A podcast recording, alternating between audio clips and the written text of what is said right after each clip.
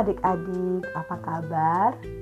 Hari ini Kak Indri mau cerita lagi buat adik-adik.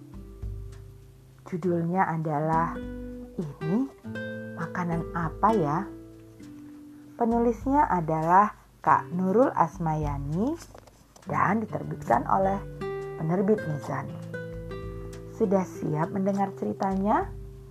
Ayo kalau begitu duduk yang rapi dulu dan jangan lupa pasang senyumnya yang manis. Kita mulai ya. Aku mendorong troli belanja dengan susah payah.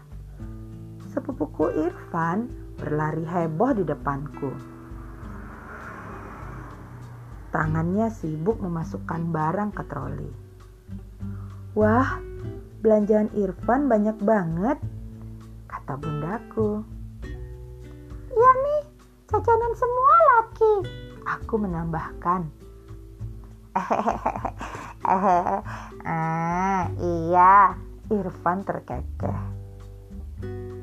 Kalau beli makanan harus yang ada label halalnya, Irfan.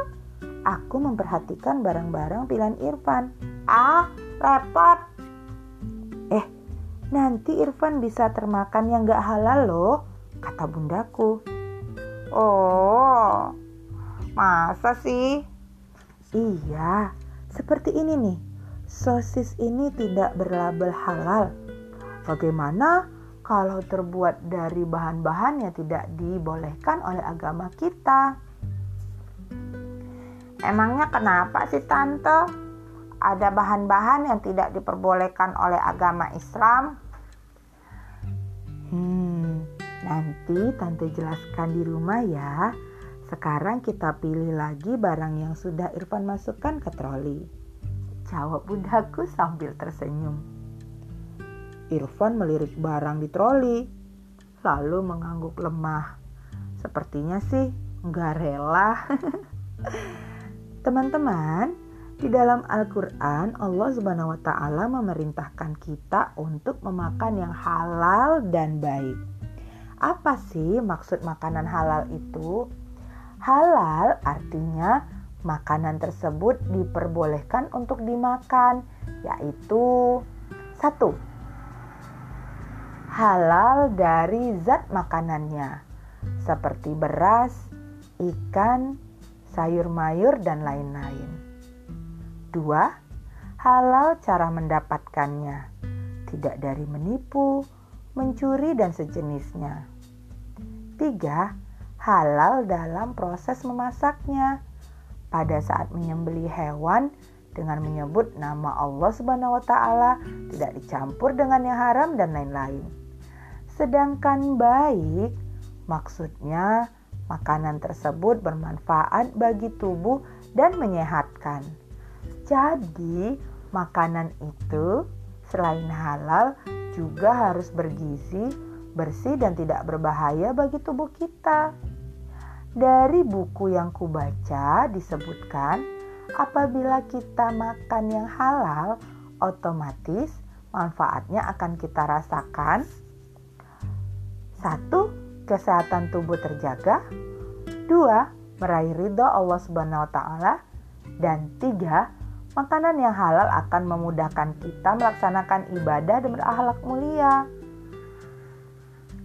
Terus makanan yang haram apa aja ya?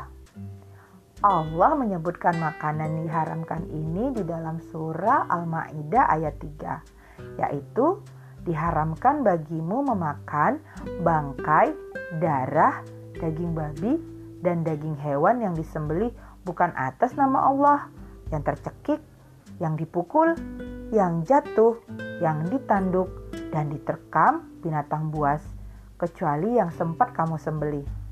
Dan diharamkan pula yang disembelih untuk berhala.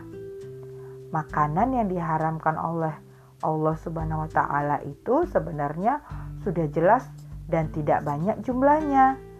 Makanan selain itu halal untuk dimakan.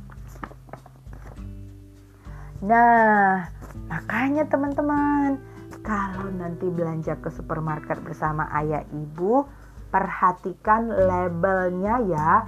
ada label halal atau tidak. Dan juga perhatikan kandungan gizinya. Teman-teman pasti pintar deh membacanya. Kalau kurang mengerti, minta bantuan ayah dan ibu ya. Semoga cerita hari ini menghibur teman-teman dan bisa menambah pengetahuan. Sampai ketemu lagi di cerita berikutnya. Assalamualaikum.